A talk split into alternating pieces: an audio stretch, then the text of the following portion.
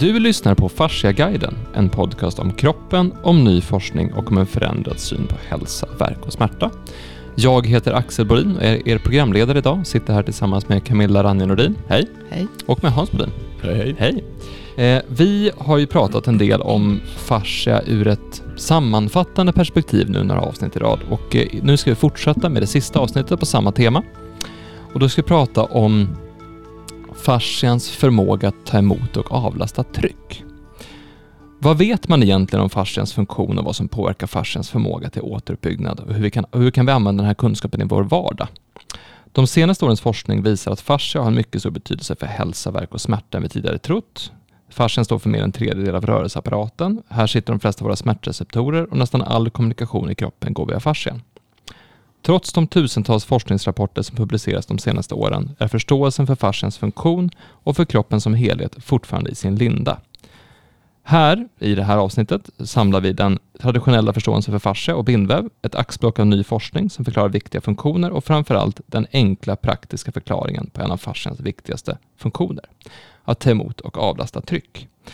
Och det här kom då från när vi var i Washington, jag och Hans, 2015 och så sen träffade vi en kille som heter Julian Baker som har eh, dissekerat mängder av människor tillsammans med Jill Hedley för att förstå hur kroppen sitter ihop och fungerar. Och han menade att kroppen är fruktansvärt komplex om man tittar på små delar. Och det är någonting vi har pratat väldigt mycket om i andra avsnitt också, att, att, att varje liten del, varje liten molekyl eller liten cell eller liten funktion är väldigt komplex att förstå. Det finns så mycket att gräva i bara på den lilla fronten. Camilla har ju berättat om när, när du berättade om, om det här någon, gång, någon kurs vi hade så, så förstod jag att jag kommer nog aldrig teoretiskt sett kunna förstå min egen kropp. Um, men det han sa att det man kan göra istället för att förstå saker är att se de stora skeenden, alltså sammanfattningen av allting som kroppen håller på med. Och då sa han att det enklaste sättet att förklara kroppens funktion är att den tar emot och avlastar tryck. Och det här Hans, det, det, det slog an någonting hos dig, det här med att ta emot och avlasta tryck. För sedan dess har du pratat om att ta emot och avlasta tryck. Vad var, det, vad var det i det, den förklaringen som gjorde att det blev så? Jag tror inte riktigt han förstod vad han menade. Alltså han menar ju från ett, han sa att eh, det var ju för en professor i, i, en veterinär som, som man skulle berätta om, om varför anatomi var annorlunda. Fascia på det sättet. Och det var ju framförallt när det gäller hästar.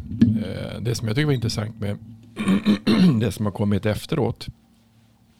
Det är ju att trycka i så mycket saker. Alltså vi, via jätterädd så kommer mitt blodtryck att gå upp. Eh, jätteavslappnad så kommer mitt blodtryck att gå ner. Eh, och det påverkas av en massa olika saker, tryck, trycket i kroppen. Eh, jag tror att det som den som egentligen förklarade det annorlunda var väl, vem var det? Var inte det Neil Teese eller vem var det som gjorde det? Som kom fram att, att, att stötdämparna är fascia är stötdämpare. Nej, ja, det spelar ingen roll. Jag tror inte det var TIS. Men... För det blir ju alltså flödet och, och, och, att stötdämparna är, alltså det är två saker. Dels vad, vad kroppen behöver för att röra sig. Eh, kroppen är ju, i alla fall så osteopaterna är bara den utbildningen att 80% av hela kroppen är rörelseapparat. Alltså det man är, och därför blir det mer intressant när man tittar på djur. när man tittar på hundar och hästar så ber de om skritta. Hur rör de sig? Eller galoppera? Eh, där tittar man, det gör man inte på människa på samma sätt. Eh, vilket är lite märkligt för vi gör det på djur. Vi gör det inte på människor. Jag var faktiskt hos en veterinär igår. Okay. Eh, för att min hund, han bröt ju benet när han var tio veckor gammal. Ja. Och då fick han en operation och det var en tillväxtzon så det var ganska problematiskt och så vidare. Och så sen så gjorde de så gott de kunde och så vart det som bra. Men vi ville liksom se, okej okay, men är allting okej? Okay? Är det bra nu? Alltså behöver vi göra något speciellt för att få honom att funka och så vidare? Och då gick jag till veterinären och det första vi gjorde var ju såklart att vi fick trava. Ja. Så fick man gå fram och tillbaka, titta på hur han gick. Mm. Sen så tog han upp han på, på bordet då, som man har undersökningsbordet och så sen så började han dra i alla leder, börja känna, börja klämma, börja titta på rörelsen, börja jämföra. Hur mycket kan jag trycka upp bakbenet på den här sidan? Hur mycket kan jag trycka upp det på den här sidan? Titta på ställningen. Hur står han? Hur är vinkeln på, Mm. på leden som hade varit trasig? Och som, som har sett att ja, men, jo, men det har växt lite snett, men om du tittar på hur han rör sig, hur man klämmer, hur han reagerar på när jag gör det här, så blir det ingen, eh, han, han reagerar inte på, alltså han blir inte sur eller någonting när, du, när jag gör det, så att han har förmodligen inte ont, eller det, han har inga tecken på det. Så att eh, om ni bara fortsätter att ha jag ordinerar mycket rörelse, mycket eh, aktivitet, att man kanske går i skogen, att man... Så att försök att verkligen så, och skulle det vara så att han skulle få problem, då skulle jag ge en antiinflammatorisk och sen köra ut honom så han får röra sig igen. Så rörelse är den bästa medicinen. Och det är intressant att man får den typen av undersökning och diagnos av en veterinär. Mm. För så gör man ju oftast inte på en människa som kommer in och har problem. Nej, och sen så det som man inte gör heller så. alltså det, är, nej, det gör man inte.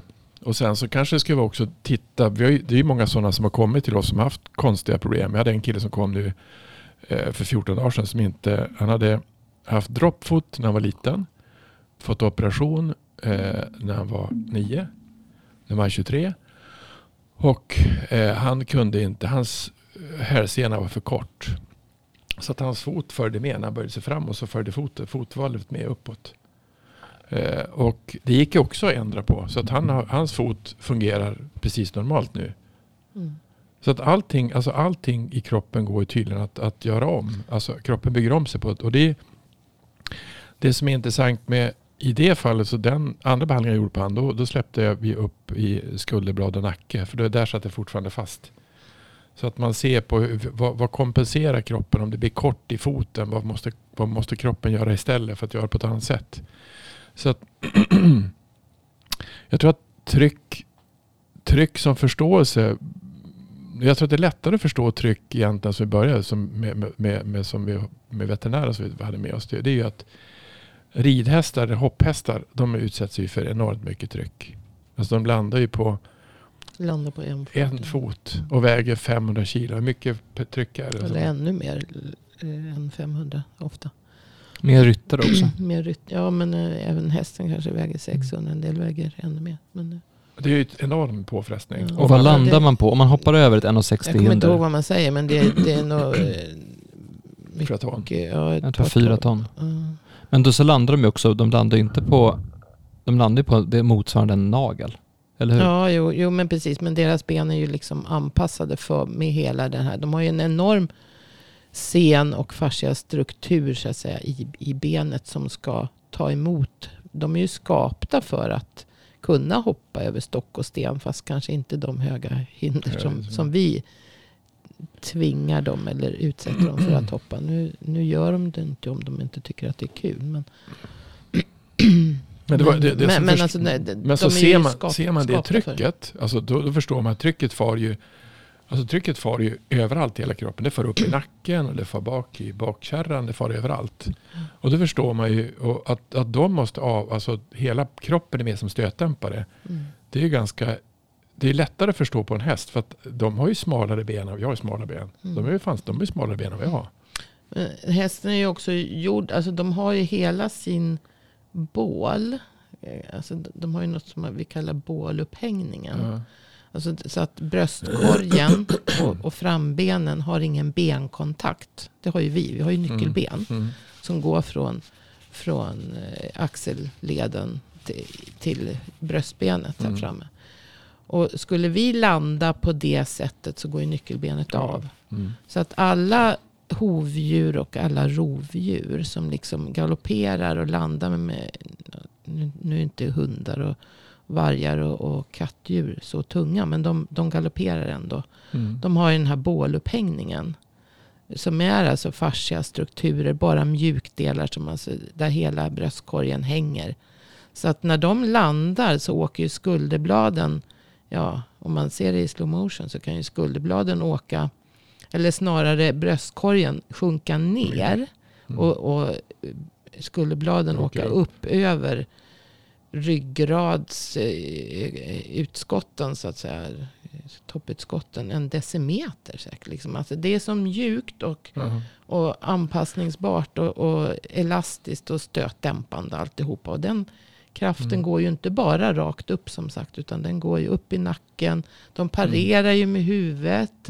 Och, och även bakbenen och, och, och ryggen. Så att all, hela kroppen utsätts ju för varenda liten lite tryckförändring där så att säga. Även om det är den största belastningen just på, på frambenen. Då. Men sen sprids ju det här i Mm. hela kroppen för att det inte ska bli en punktbelastning så att säga. Mm. Och fungerar då inte den här stötdämpningen, är det fast någonstans, eh, alltså om det har lagrats tryck, vi pratade lite om det förra gången med den här med pilbågen. Mm. Om det liksom inte rörelseenergin går iväg ut genom kroppen och fördelas jämnt så, så blir det ju stopp någonstans. Och då, då blir det, vi har pratat om det förut, med den här förtätningen i, i fascian, i grundsubstansen som tjockar ihop sig och blir sämre viskositet när det liksom blir för högt tryck.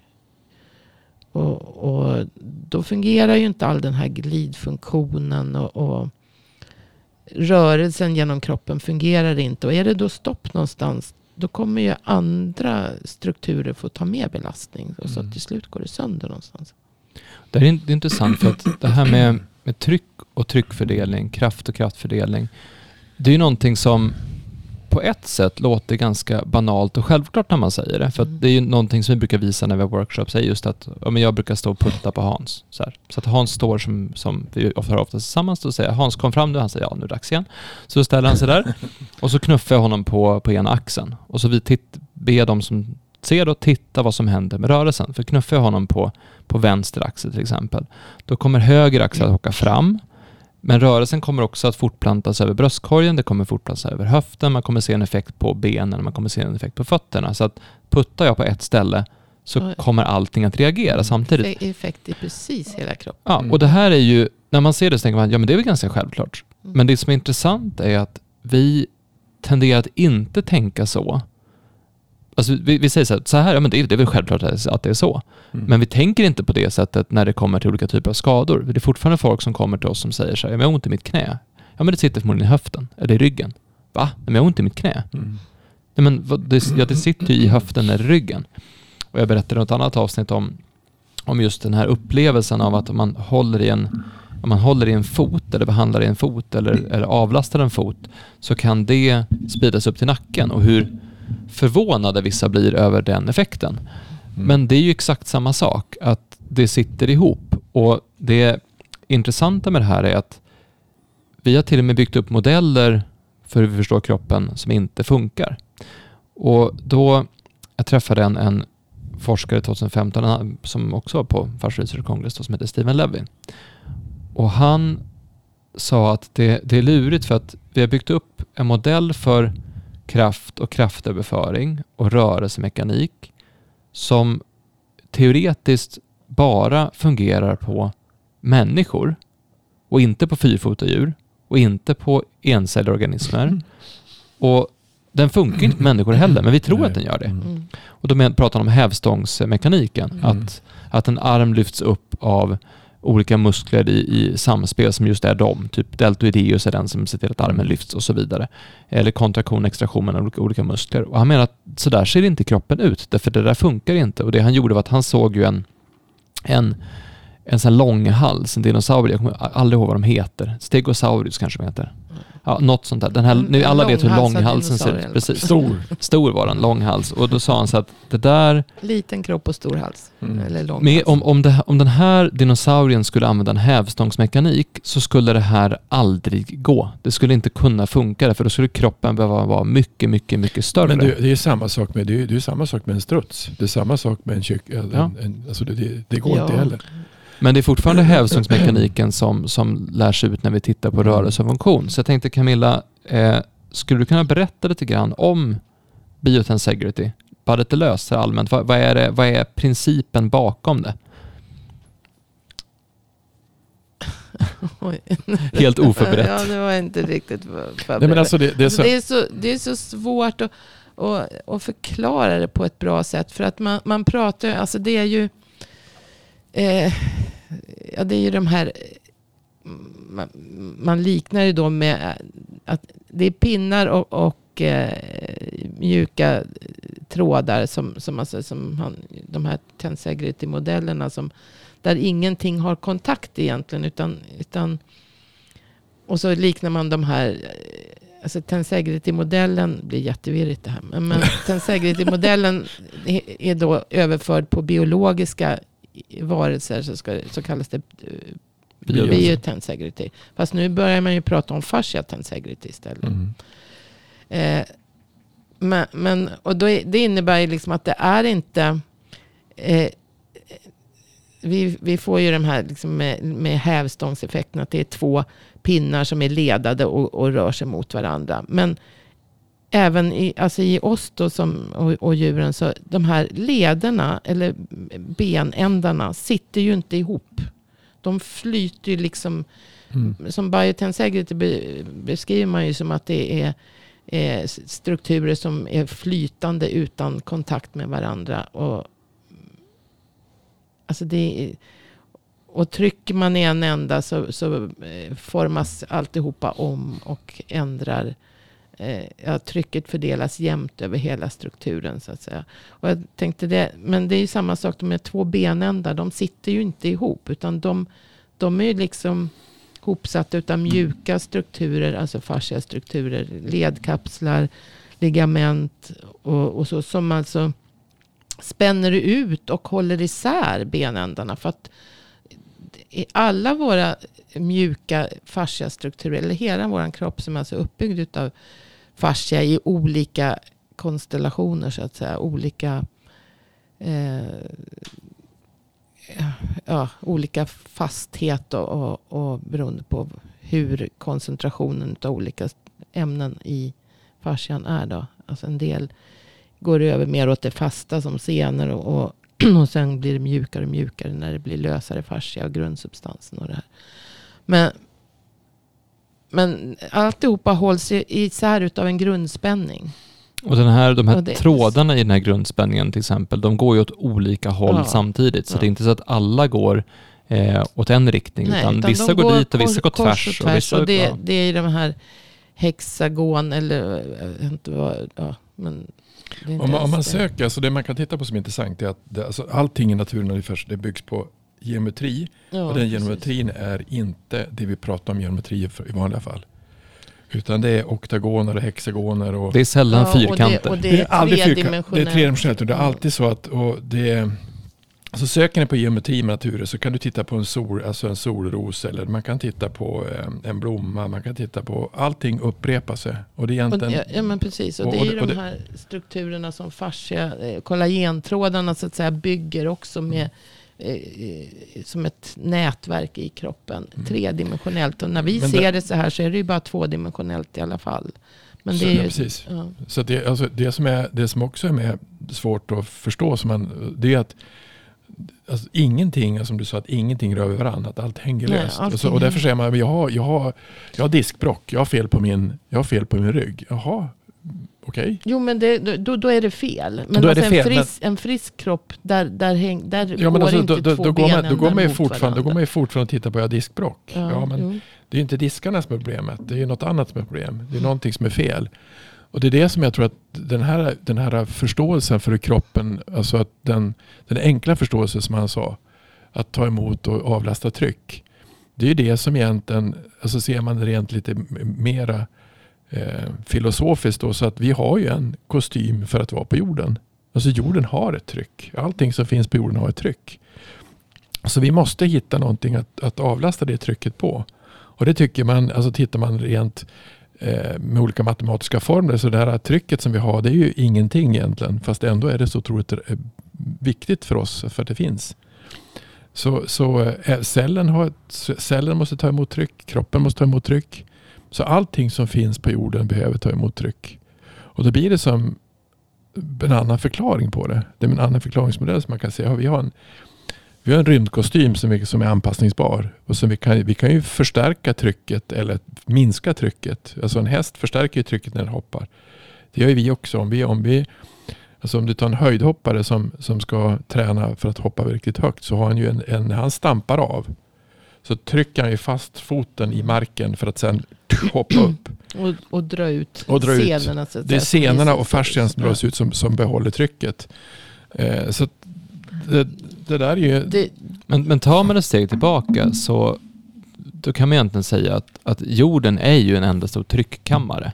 För om man tittar på vad som faktiskt, alltså nu, nu, vad vad finns faktiskt här? Jo men det har ju dels så har du ju väder och vind. Det är ju Mm. någonting som de facto är runt omkring oss och som Mm. påverkar oss väldigt mycket. Det är, vi påverkas verkligen av väder. Det kan vi säga nu när vi sitter här i april då det är snö ute. Att, att det, det, är ju, det påverkar oss. Mm. Och det påverkar oss rent liksom fysiskt i hur, hur min hud känns mot det här eller hur, hur det känns i kroppen, hur, hur stel man kanske blir eller så av att det är kallt till exempel, eller hur avslappnad man blir av att det är varmt eller hur, hur vinden blåser så kan man få ont i nacken och så vidare. Det där känner ju alla till, den typen av fenomen.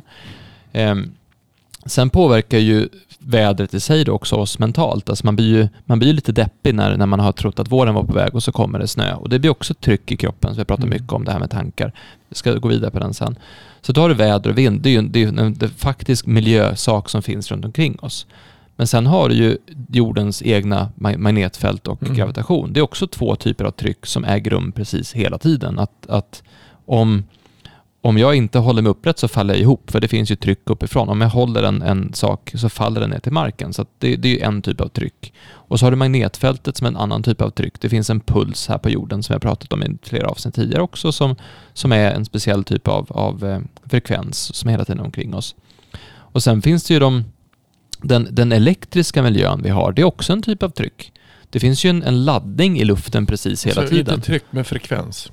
Ja, men, det, ja, men det, om man pratar tryck som allting som kan påverka kroppen, Mm. så vad var vi sa när vi pratade om, om elektromagnetiska fält i något avsnitt, att det var, var det sex stycken blixtar per sekund per, som ägde rum eh, på planeten. Alltså det är alltid det, det, blick, det är alltid blixtar som går Mm. fram. Alltså det, det är alltid en laddning mellan atmosfären och jordytan. Det är Mm. konstant eh, laddning, laddat däremellan. Mm. Det är också en del av den miljön som vi Mm. är i. För sen så kan vi prata om vad, vad är tryck då? Och då, då var vi eh, Heike Jäger, en tysk eh, neurofysiolog och forskare på fascia från Ulm. Hon eh, var och föreläste för oss 2017 och då Mm. visade hon eh, en sammanfattning av vad som påverkar eh, vävnadsåteruppbyggnad, alltså tissue re- regeneration. Eh, och då var det eh, ålder, så hur gammal du är påverkar hur det här påverkas, Mm. vilken eh, alltså genuppsättning du har, eh, olika typer av sjukdomar du går runt med. Är du sjuk just nu? Har du, är det någon, någonting du har aktiverat? Eh, olika typer av medicinering påverkar hur väl kroppen återbygger sig själv. Näringsstatus, social stress, eh, sömn, luftföroreningar, matföroreningar, eh, mental stress, idrottande, rörelse. Så att alla de här sakerna påverkar Allt. kroppen allt hela tiden. Så. Och den där tanken har ju vi tagit vidare ännu mer till att titta på vad är, vad är egentligen tryck? Vi har pratat Mm. om tankar och känslor och hur det faktiskt påverkar oss, eller beteenden eller humör. Det svåra när man, när, man, när man håller på med sådär som vi håller på med det, det är att hur undersöker man fascian då? Alltså hur gör man? Och det var någon som sa att, jag tror att det var en veterinär jag träffade, han sa att om vi hade hittat, om vi hade börjat med ultraljud, då hade vi sett på kroppen på ett annat sätt. Mm. Eh, men hur, det är det som är intressant, att alla de här sakerna som finns, hur mäter vi det? För att vi, vi mäter ju saker och ting. Alltså, det är det som är det luriga som finns. Att hur, hur kan man, eh, om man nu ska göra en anamnes som man försöker göra på en, men om man har varit med en, en häst eller en hund. Försöker man ta reda på så mycket som möjligt utav husse och matte eller den som har. Vad har hänt med hästen? Vad har hänt med hunden? Och så kollar man vad det är för någonting för man vet inte så mycket. Eh, jag tror att en, ett, ett problem som finns i det här, det är det svåra det är att man, att i, om du ska undersöka helhet, då måste de med många specialister. Och det måste även i veterinärmedicin. Men du måste titta på olika saker. Och ha, påverkar min kropp eh, den händelse jag haft? Påverkar ett trauma mig? Eh, påverkar en, ett olycksfall mig? Påverkar en stress, alltså en enorm stress? Det som händer med, om du tar det klart gör det, det som händer med folk som det kom ju fram på 80-talet att man fick något som heter utbrändhet. Alltså folk bara var totalt slut. Och vad, vad hände då? Det visste man inte vad det var. Det finns ju, alltså det var jag tror en av de här funktionsmedicinerna, han, han som kom på det i Sverige, som började med det i Sverige, han var ju totalt utbränd. Han gick till sina kompisar och ingen visste vad han skulle göra. Alltså kroppen har bara sagt ifrån för för mycket stress. Stänger ner. Mm. Så hur, hur, ska, hur, ska du, hur ska du gå? Då går de till han och så sen så han går gör alla undersökningar som finns. Han har tillgång till allt som fanns. Men ingen visste varför han var slut. Ingen. Så jag tror att en sak som finns med som, som jag tror eh, eh, Vibeke Elbrun sa, som är en annan förklaring till det. Att i och med att fascia är en, en helhet och kroppen är en helhet och som du sagt Camilla, egentligen är det bara, det är bara celler och extracellulär matris. Mm. Och sen är det flöde. Då är det en annan sak som är intressant. Så att då måste vi tillbaka till observationsstadiet. Vi har inga verktyg för att titta på helhet. Eller måste man bygga ihop många olika typer av, som vi har provat att göra nu, att vi har tittat på eh, fullblodsanalys som vi har gjort på dig, som vi var med och gjorde på de som jobbar här.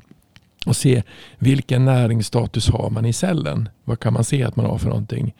Eh, så att det, jag tror att det svåra egentligen begreppet tryck och fascia och helhet. Det är att det ställer enorma krav på att mäta saker och ting. När jag träffade den här eh, Sepp Heikkinen i Finland. Som sa att allting i kroppen låter. För det var inne på inflammation. Det var du tror att jag var tokig. Jag sa det var inflammation. Jag använde alltså värmekram. Det är inflammation. Allt som är rött är inflammation. Och det är ungefär så tokigt det blir när man går in och ska söka, söka någonting. För en sak som är viktigt att få reda på. Det är vad är låggradig kronisk inflammation? Och hur hur får man fram det? För det är orsaken till många, många sjukdomar vi har som är kroniska är kronisk inflammation. Mm. Så hur, hur hittar vi det? Vilka receptorer finns det för det? Då har ju Torsten Gård hittat ett sätt att göra det via receptor, alltså via eh, olika typer av signalreceptorer som man kan skicka in. Som är vad säger han att de är? De är Depronyl, det, det, det, då skickar man in, då, det kan man läsa via eh, någon typ av, eh, det, det, det är någon sån där som strålar ut någonting. Alltså det är ett sätt att, att, att alltså markörer egentligen, ja. biomarkörer. Men det är ganska dyrt och svårt och kräver mycket göra. Men han har hittat nu att alla som har, hade whiplash, de hade kronisk inflammation. Så han har tagit alla som inte har blivit botade och fortfarande kronisk inflammation och har fortfarande ont. Då har vi en förklaring på att verk, alltså viss typ av verk som whiplash är, det är kronisk inflammation, låggradig kronisk inflammation. Hur hittar vi ett sätt att, att analysera det? Annat eftersom vi inte tror på dem som kommer att säga att de har whiplash. Mm. Det har ont. Så, och då, där har du ju koppling som är ganska enkel. Du har ett extremt tryck som hänt. Och kroppen har förmodligen kanske svimmat av när den har gjort det här. Som har varit. Och hur många har fallit av hästar som har... Mm. Alltså det, det, så förklaringen på tryck och smärta och dysfunktion är ju förmodligen mycket enklare om man ser det från det perspektivet. Men hur ska du analysera det? Vilka, vilka det var ju som han, Torkel som kom från Färöarna. Men han har gått igenom skanner och hela för Det fanns ingenting utan förmodligen är det inbildning. Men karlkroppen kunde nästan inte gå. Men du har den oxidativa stressen också som, som det är med inflammation. Ja. Som Orsman beskriver det att, att eh, kroppen liksom försöker ju stänga in det området som är skadat. Och, och liksom försöker ju det blir så förtätat då. Mm. Så, så för att eh, det inte ska sprida sig ut i ett större område så skyddar ju försöker ju kroppen skydda vävnaden så att säga. Att bara, bara ha en, en, eh, en begräns, ett begränsat område som så att säga, där inflammationen hålls kvar. Mm. Och det går inte att lösa det, det med. Därför att vad som krävs är egentligen att det kommer dit eh, ämnen och lämnar ifrån sig elektroner så att den här eh, oxidativa stressen så att säga försvinner ifrån det området. För det, det för oss Men- in på nästa plansch egentligen. För jag ska, ska ta, och ta den så att du får en ordentlig introduktion till det för de som inte har hört det förut. För det vi har pratat om nu är egentligen den typen av tryck som vad tryck är för någonting och att fascian tar emot det här trycket. Att, att vi, eller vi kroppen tar emot en massa olika typer av tryck. Och det kan vara olika typer av känslor och tankar, det kan vara väder och vind, det kan vara eh, ja, allting vi utsätts för egentligen är någon form av tryck. Men om man då lägger ihop det med, med, med det här som du pratar om nu, med oxidativ stress, då blir det väldigt intressant. För oxidativ stress handlar mycket om vad som då händer inuti kroppen när trycket kommer. Så skulle man kunna säga, eller hur? Mm. För tryck, vad, vad är det som tryck skapar i kroppen? Ja, men eh, blir det ett ökat, alltså trycket ska ju fördelas ut i kroppen och, och får vi då ett ökat tryck någonstans, alltså jag vet inte riktigt hur man ska förklara, men, men, men jag, jag kan läsa, Även- jag kan läsa upp vad du har skrivit då. Ja, men även mentala, alltså det vi tänker och det vi utsätts för psykiskt på, får ju ett tryck och vi går och spänner oss också utav sånt. Alltså vi kan få spänningar i kroppen. En, ja, det är ju bara att se på, på eh, hästar och, och, och eh, djur också att så fort du blir rädd eller så, så spänner du ju till hela kroppen. Och den där spänningen kan ju sitta kvar. Om du går och är orolig för någonting. Du kan, så spänningarna, alltså du får ju ett ökat tryck eh, var som helst alltså, i kroppen. Då. Men får du då ett, alltså det här med oxidativ stress. Eh, för du skriver så här att, att fria radikaler bildas naturligt när Mm. våra celler bryter ner den mat vi äter och omvandlar, omvandlar den till energi. Och varje gång vi på något sätt belastar kroppen frigörs fria radikaler. Men för mycket fria radikaler leder till oxidativ stress, ett tillstånd som kan få stora negativa konsekvenser för vår hälsa. Men vad är fria radikaler och hur påverkar de kroppen och vad kan man göra för att se till att kroppen inte rostar då? Som man, mm. Vad, vad är alltså fria oxi- radikaler för någonting? Oxidativ stress, alltså när, när ämnesomsättningen sker i mitokondrierna eh, så, så bildas det hela tiden eh, fria radikaler. Eh, eh, och det är fullt normalt. Och får, blir vi då mer stressade eller ansträngda, alltså oavsett om det är en fysisk stress eller en mental stress, så ökar ju ämnesomsättningen och det frigörs fler, fler fria radikaler. Men vad är en fri radikal? Fria radikaler är, är eh, ämnen som, som bildas som så att säga, saknar elektroner och som försöker stjäla elektroner. Och då kan de gå ifrån andra ämnen. Då kan de gå in och skada DNA, det kan skada proteiner, det kan skada cellväggar, det kan ja, skada olika vävnader i kroppen för att de stjäl elektroner. Och men de Så ska allting- stjäla elektroner för att sätta igång en process. Alltså de, de bildas och när de bildas då så, så, så de, de, vi behöver dem ju också. De Mm. bildas i ämnesomsättningen. Men kroppen har egna system, alltså massor med ant, vi kallar det för antioxidanter då, som, som lämnar ifrån sig elektroner. Så, som alltså neutraliserar de här fria radikalerna. Så kroppen har ett system för att neutralisera de här hela tiden. Därför att det är en naturlig process i ämnesomsättningen. Men vill, vill, Och vi vill- måste ha dem också. bättre- vi vilda djur har bättre system än vad vi har. Ja, de har ju C-vitamin. Ja, men alltså det är ganska intressant. Ja, jo, det, ja, men det är jätteintressant. Men, men om, vi, om vi skippar C-vitaminet just nu, bara rent generellt då, så, så, så vad var jag nu då? Fria radikaler. Fria radikaler. Eh, Va- va- fria ska- varför finns alltså, vad, vad, De- vad tjänar de till? De behövs ju också. Ja. De är bra för att vi får inte ta bort alla fria radikaler. För att de behövs för, i vårt immunförsvar för att liksom bekämpa inkräktare och så också. För att ta bort, dö på virus och bakterier och, och gifter och, och så. Så att Ja, för då snor de elektronerna från Ja, dem helt Precis, enkelt. Och då så, dödar att- så, de. att, ja, så, så att det är, en, det är en balans. Men så en del hävdar ju liksom att äter du för mycket antioxidanter så kan du då så att säga, nollställa systemet. Det, det- det vet jag inte om man kan göra så. Men, men i vilket fall som helst så, så all stress vi utsätts för, allt tryck vi utsätts för ökar ju ämnesomsättningen. För att vi, alltså mitokondrierna måste, det tar energi att vara stressad, det vet vi ju. Och då måste mitokondrierna öka ämnesomsättningen. Det bildas ännu mer fria radikaler. Och då kanske inte kroppens egna system klarar av att neutralisera de här fria radikalerna. Och då börjar de göra skada. Och det är då vi får oxidativ stress. Det är då vi har en oxi- oxidativ stress, är alltså ett överskott på fria radikaler som inte kroppen klarar av att, att neutralisera. Och då kan, får vi olika skador. Vi får skador på mitokondrierna, kanske vi får skador på DNA, vi får eh, skador på eh, celler. Och det är det som skapar sjukdomar.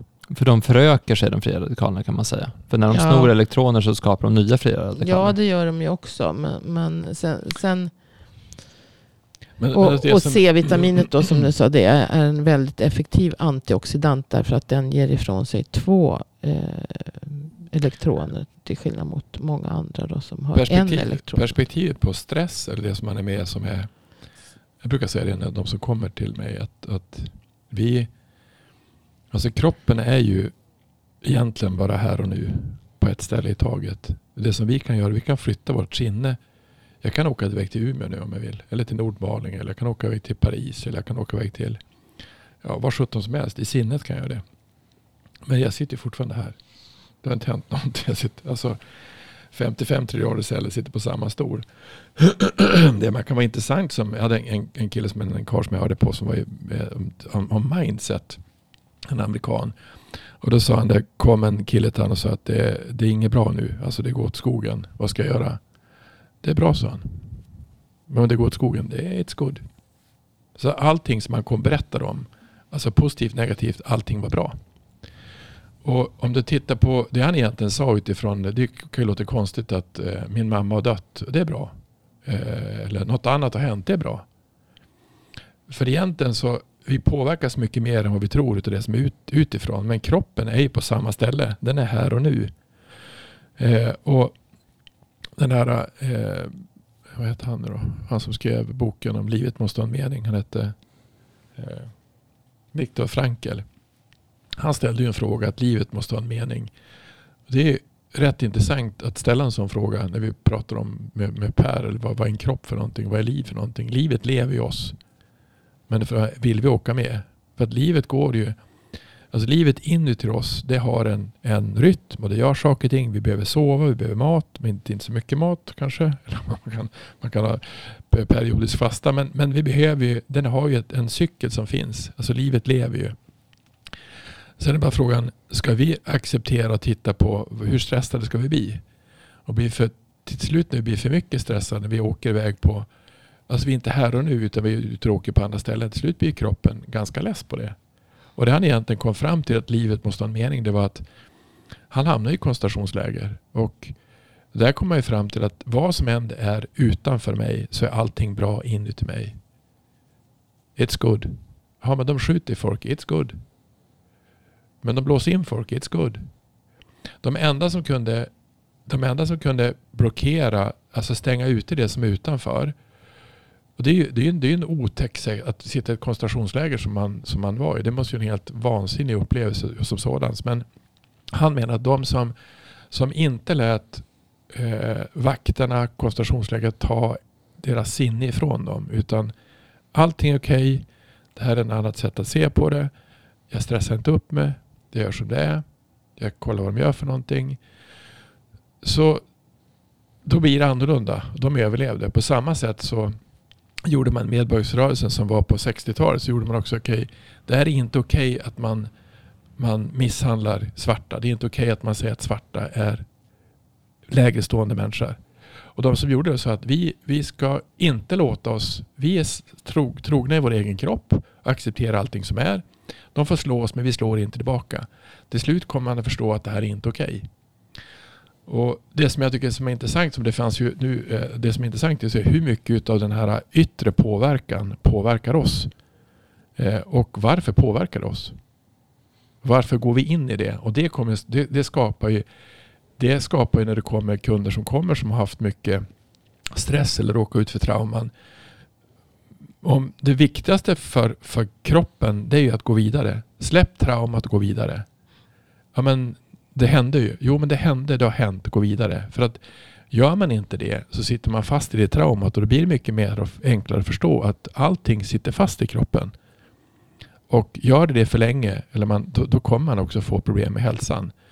Så har du för mycket stress runt omkring det så kommer det förmodligen ha för svårt att, att, att generera kroppen, att, att bilda nya saker. Därför att den är för mycket på.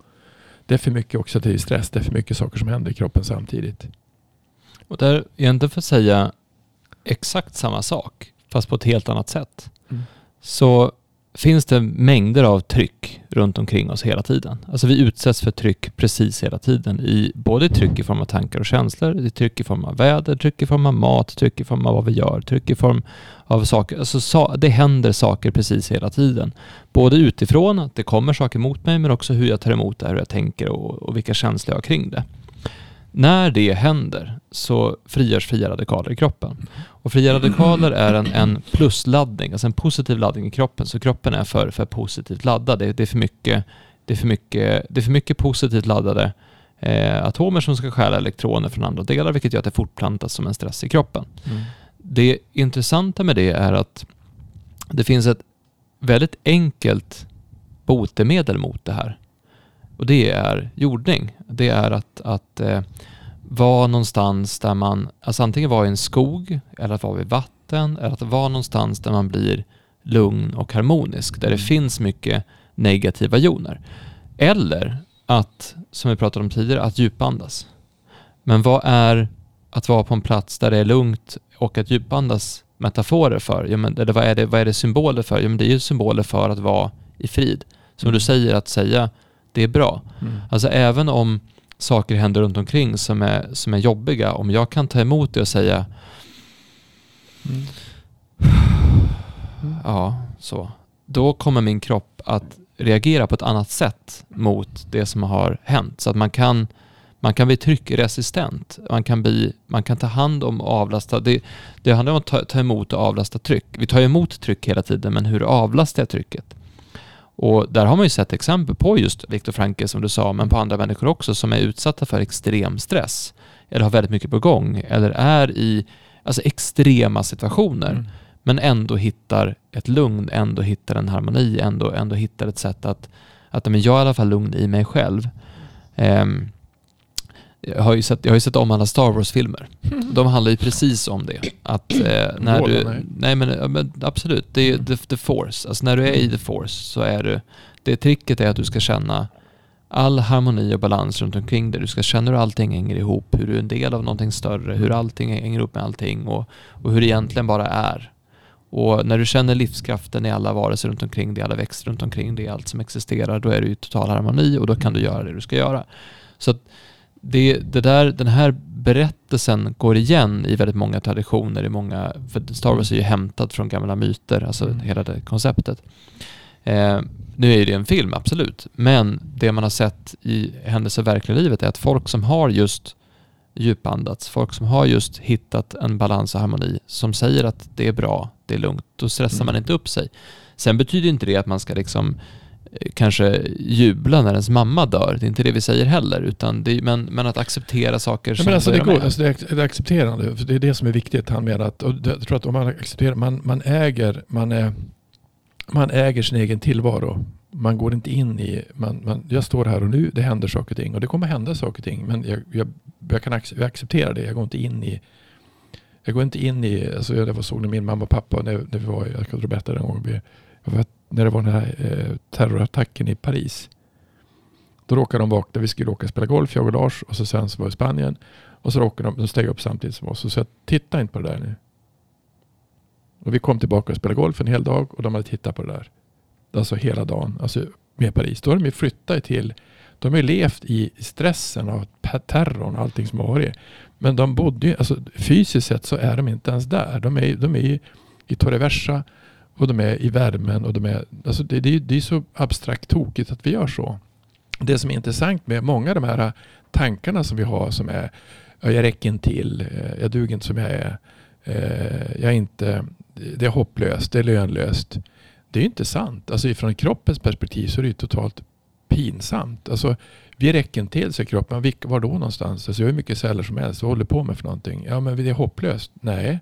Alltså det kan ju låta lite lustigt, men att ha just en sån konversation med sin kropp är kanske inte helt dum. För det är som du säger, att kroppen vill ju faktiskt vara eh, frisk. Kroppen vill ju faktiskt må bra. Och sen så har vi fått för oss att vi inte ska vara det. Så att det där är vi nog lite ute och, och cyklar. Men, men det som är spännande med tanke på det vi har sagt är att, att okej, tillbaka till Julian Baker.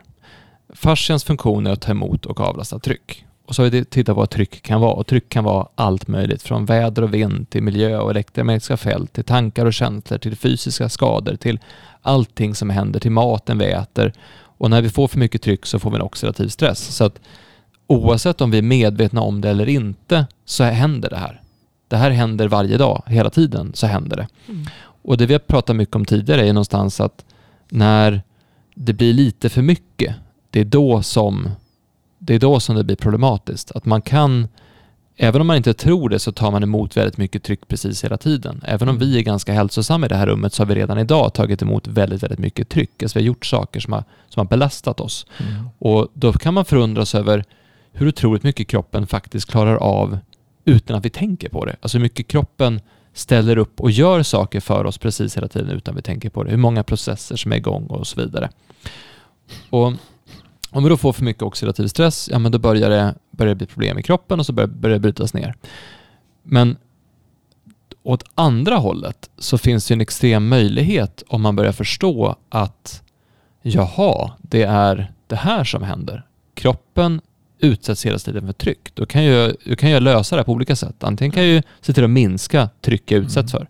Alltså minska, vara i, mer i miljöer som gör att man mår bra och mindre miljöer som gör att man mår dåligt. Inte utsätta mig för saker som, som kan vara, mindre stress ska jag försöka så. Jag kanske äter saker som gör att jag mår bättre. Mm. Jag kanske ger kroppen förutsättningar att klara av det här genom att till exempel eh, äta antioxidanter, C-vitamin till exempel, eller bättre näring. Jag kanske rör på mig mer, faktiskt är ute och går och får frisk luft. Jag kanske Mm. ser till att jag är med människor som gör att jag mår bra.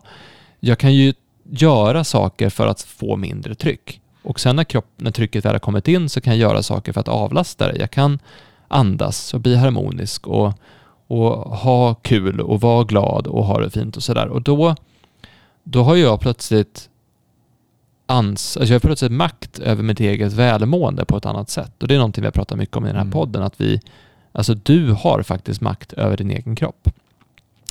Och när man börjar titta på det, för det här blir ju ganska, egentligen är ju det ganska enkelt. Alltså att förstå en, en sjukdom kan vara ganska svårt. Men att förstå en friskhet är egentligen ganska enkelt i teorin. Och jag satt och, och ritade upp en, en bild för våran, eh, en, en tjej som jobbar här som terapeut på fasciakliniken i Sollentuna om eh, just det här, den här sjukdomstrappan. Att man, man är frisk och sen så blir man sjukare, och sjukare, och sjukare och det blir problematiskt och så dyker sakerna upp och sen någonstans när man är väldigt sjuk då försöker man förstå sjukdomen därifrån. Och att förstå en, en sjukdom kräver oftast väldigt mycket kompetens. Du måste ha väldigt mycket teoretisk förståelse för hur de sakerna hänger ihop. Alltså den typen av teoretisk kompetens för, för att förstå den typen av, av så. Men det andra som jag tycker är häftigt som du gör Hans i dina behandlingar är någonstans att du säger det behöver inte vara så komplext. Du kan också välja att bara må bra. Alltså du är inte, inte välja att bara må bra, men du kan också göra det enkelt. Du kan se till att du har balans och hållning, rörligt och avslappning, att du tänker bra tankar, att du släpper det här som har belastat dig, att du, att du inte går in i det där och slutar stressa, var där och så. Och det är ju enkelt i teorin, men det kräver ju någonting annat. Det kräver ju en, en tro, en vilja, en tillit. Mm. Det, det, det är lika mycket kompetens som krävs, men det är av en annan sort. Det kräver att du verkligen bestämmer dig. Jag ska vara frisk nu. För det gjorde du Camilla när du, när du eh, Mm. eh, började läsa på mer med att du bestämde dig. Nej men nu, nu räcker det.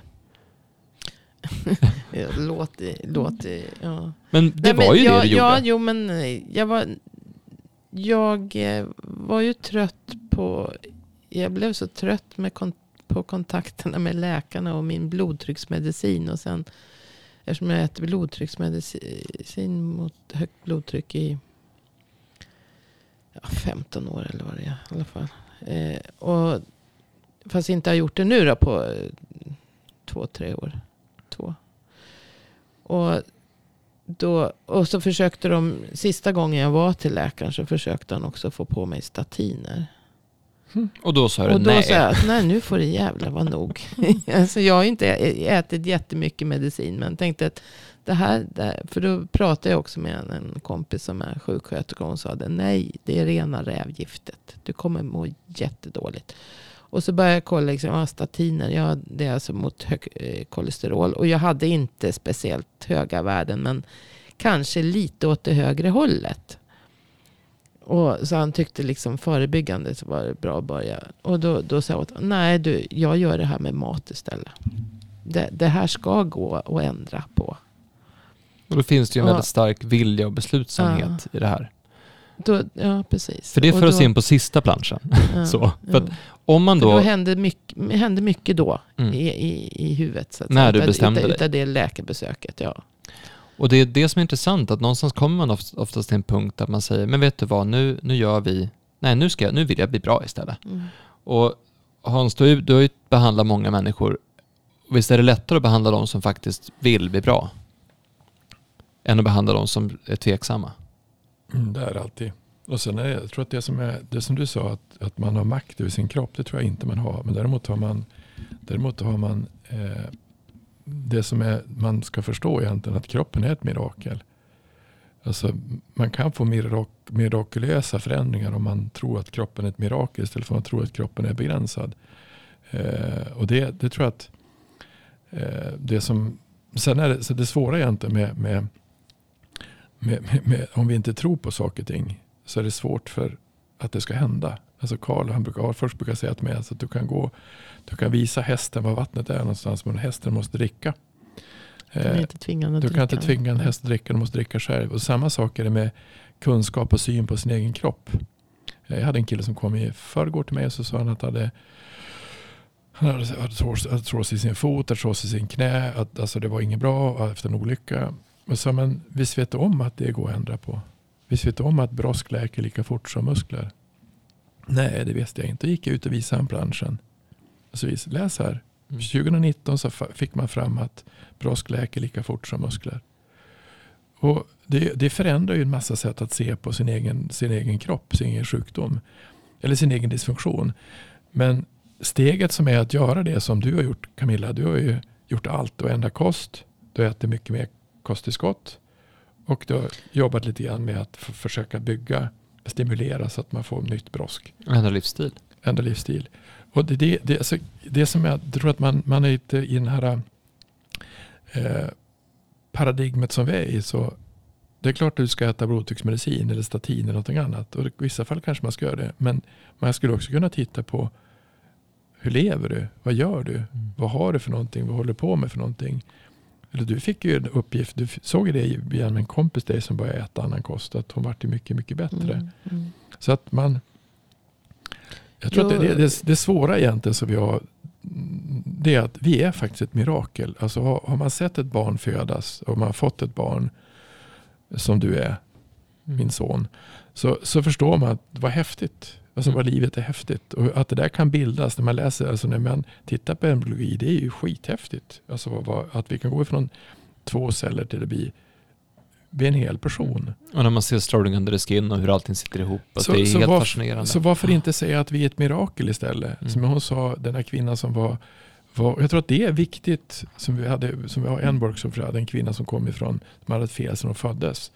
Så men tror du, titta, titta på sågen och strålning under tiden, titta på hur du ser ut. Det där är du. Det där ombildas hela tiden. Så ser man det så, så den här ä, artros, att, att Jag tänkte ta den bara snabbt då. För den sista planschen som vi tog upp, och det är ganska intressant att vi tog upp just den, för varför vi satte upp den på väggen är just av den anledningen som du beskrev. Att man Mm. visar att, ja men titta här, titta Mm. vad som faktiskt går.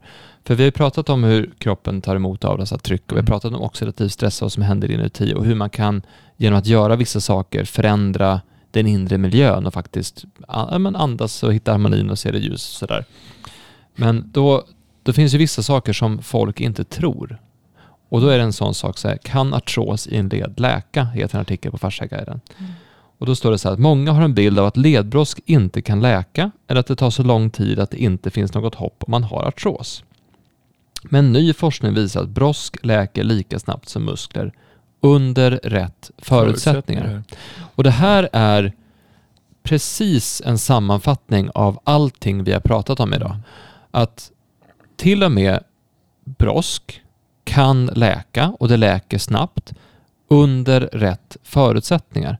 Som kroppen tar emot och avlastar tryck och du har fått ett tryck i kroppen som gjort att du har en belastning. Då är det, alltså, artrosen kommer oftast från en belastning. Det är någonting som är snedbelastat under väldigt lång tid.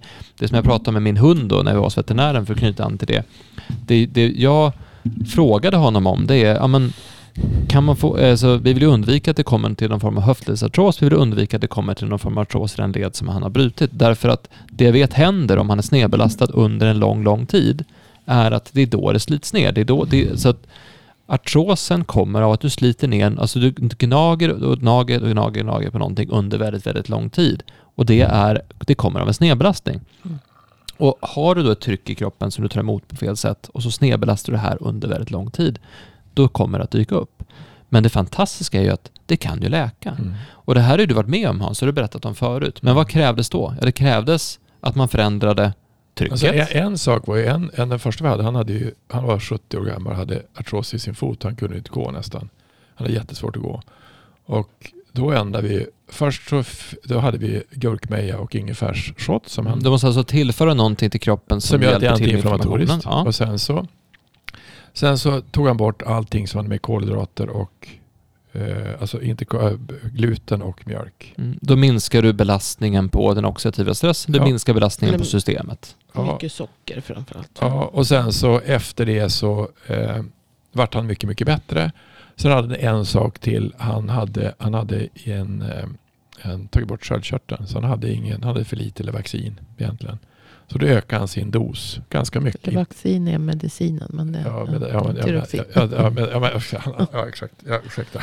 Men alltså han ökade, han hade ju ingen... Men har en låg ämnesomsättning. Nej, han, hade- ja, han hade, han hade, han hade för...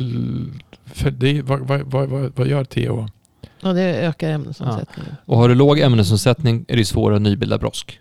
Ja, exakt. Ja. Och så han hade egentligen var han, ja, lite inflammerad. Orsaken till hans inflammation var egentligen att kroppen inte... Det är något fel. Det är något fel. Eller säkert någon annan Så förklaring det finns en snedbelastning, det finns en överdriven inflammation, det finns en störning i laktosen och glutenet som man fick in i kroppen och så fanns det en för låg ämnesomsättning vilket gjorde att, men tog man bort de här fyra, så åtgärdade de här fyra sakerna och så det, och det var egentligen det vi höll på med. Det var att hitta vad är det som gör att det inte läker.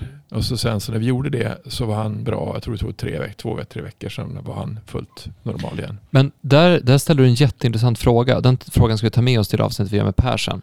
Vad är det som gör att det inte läker? Det är en annan typ av fråga än Än- vad är det som gör att du är sjuk? Just det. Så- Vad är det som gör att du inte läker? Då- Vilken och det- process är i vägen? Ja, och, det, och det är samma sak med det som jag tror att man måste göra. Jag tror att jag har någon som är nu. Eh, alltså du, måste, du måste hitta ett annat sätt som gör att du har möjlighet att läka. Både i huvudet. Alltså hur ser du på dig själv? Och sen att, att minska eh, att minska den här, i Kalanka finns den här, den här som far runt och en del gör ju det. Alltså vad heter det? Jag menar? Och jag har en sån kund nu som är, hon är, alltså det, det är bara för mycket. Och man måste som tagga ner, alltså kroppen vill tagga ner så att den får möjlighet att, att läka. Och sen kan man göra, man kan inte göra för mycket heller för det blir som äh, tokigt. Alltihop.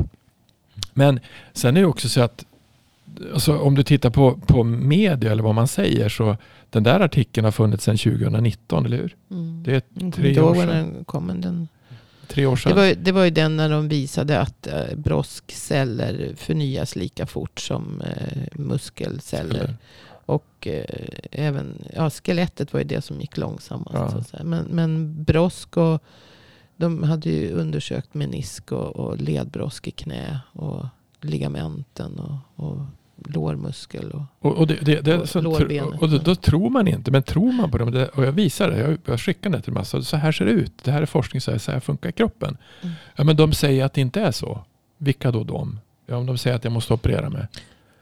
Och det, då, då är ju narrativet att då måste jag ju bestämma mig, ska jag tro på miraklet som min egen kropp? Eller ska jag tro på de som säger att det finns ett annat sätt att se på kroppen? men då har du det där med rätt förutsättningar. För att det, det, det, även om, om det är förmodligen så att Mm.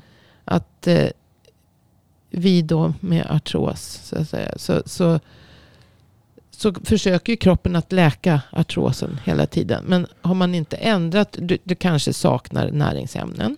Vilket då också när jag börjar sätta mig in i det där visar sig att det är ju faktiskt jättetokigt. För, för att eh, vi äter väldigt lite utav aminosyrorna kollagen idag. Mm. Eh, så att eh, man måste äta kollagen för att liksom tillföra rätt aminosyror. Men, men dessutom så kan du ju inte vara i obalans både psykiskt eller fysiskt heller för att kroppen måste ha en balans annars kommer brosket slitas ner hela tiden. Om du har ett ökat tryck på fel ställe så kommer ju, även om brosket hela tiden återbildas och du skulle ha alla byggstenar för att återbilda det så bryts det ju ner om du inte är jämnt belastad Mm. och liksom har en, en, en harmonisk balans. Och det är nog både psykiskt och, och fysiskt, men framförallt fysiskt just mekaniskt, alltså så att inte leden slits hela, för då, annars slits, bildas nytt och så slits det, så bildas nytt. Mm. Så då är det ju status quo. Och i värsta fall så sliter du mer än vad du hinner nybilda. Och då kommer det till slut bli ben mot ben. Om man nu ska se det så.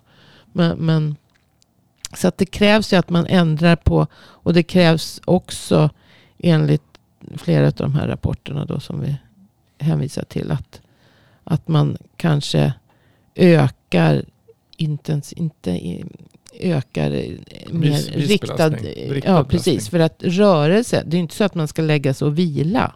För då händer ingenting.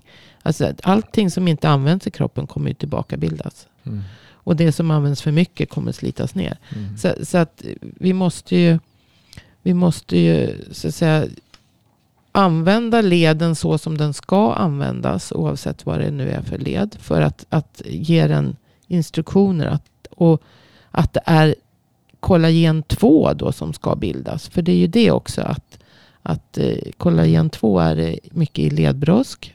Och det är en annan, annan typ av fiberstrukturer. Det är inte de här långa som är kollagen 1 som bildar senor och, och annan typ av fascia. Och, och det, det bildas, det här, det, på marknaden finns det, alltså det finns kollagen 1 och så kollagen 2. Ät kollagen 2 för leder. Nej, det var skitsamma tänkte jag säga. För att, för att det bryts ner i tarmen till fria aminosyror som tas upp. Sen byggs det ihop igen. Och kroppen bygger efter vad den så att säga får för input. Att det här behövs. Jag har ju sagt att du är vad du gör. Ja, precis. Alltså det, det som kroppen säger att du behöver göra det. Så att Och- be, sitter du vid ett skrivbord till exempel så har du biotensäkerhetsprincipen där igen. Då blir du en person som sitter vid skrivbordet och kroppen anpassas efter det. Mm. Om du lyfter saker hela tiden kommer kroppen anpassas Mm. efter det. Om du är elitidrottare kommer kroppen anpassas efter det.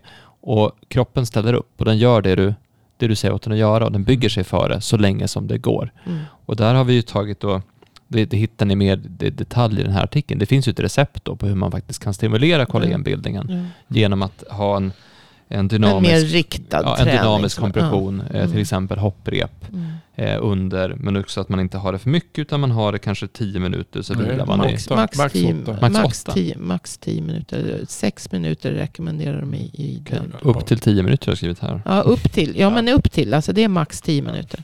Sen stänger fibroblasterna, alltså Ja. cellerna som ska bilda kollagen och stänger dem av. Och så måste man vila då i sex timmar. ska man vila i sex timmar innan de, de är redo för att ta emot. Var det inte åtta? Nej, jag, har gett, jag har gett fel recept då. Han fick ju köra. sex, sex timmar är det.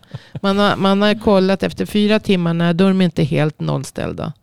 Men efter sex timmar då är de liksom, tar de emot samma. Så hoppa i sex igen. minuter, vila i sex timmar. Mm, åtta, precis. sex Det är därför han säger sex minuter. För att sex minuter hoppa eller Alltså det behövs inte hoppa. Jag har inte hoppat hopprep. Jag har stått och, och, och Det, det, det, det är hopprepet som du, du glömt det alltså.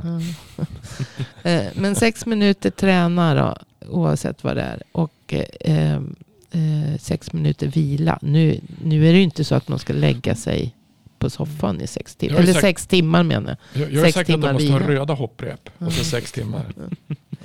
Ja. Nej, men alltså det just det där att, att det, det går inte att fortsätta leva på som vanligt. Då kommer kroppen inte att kunna läka det man... Nej, och det är väl det som är någon form av sammanfattning av det här som jag pratat om. Att, att kroppen tar emot en massa tryck hela tiden. Mm. Och när vi börjar se det och förstå det så kan man börja bli medveten om vilket tryck man utsätter sig för, vilket tryck man har utsatt sig för och också att komma på hur man ska avlasta det här. Och man kan avlasta genom att förändra beteenden, man kan avlasta genom att förändra vanor, man kan avlasta genom att, att eh, ja, bör, börja ta hand om sig själv på ett annat sätt. Ja, precis. Alltså stressen utsätts vi för hela tiden. Så antingen så får man ju försöka minska på stressen. Och kan vi inte det, då måste vi försöka istället ge kroppen mer förutsättningar för att klara av den stressen.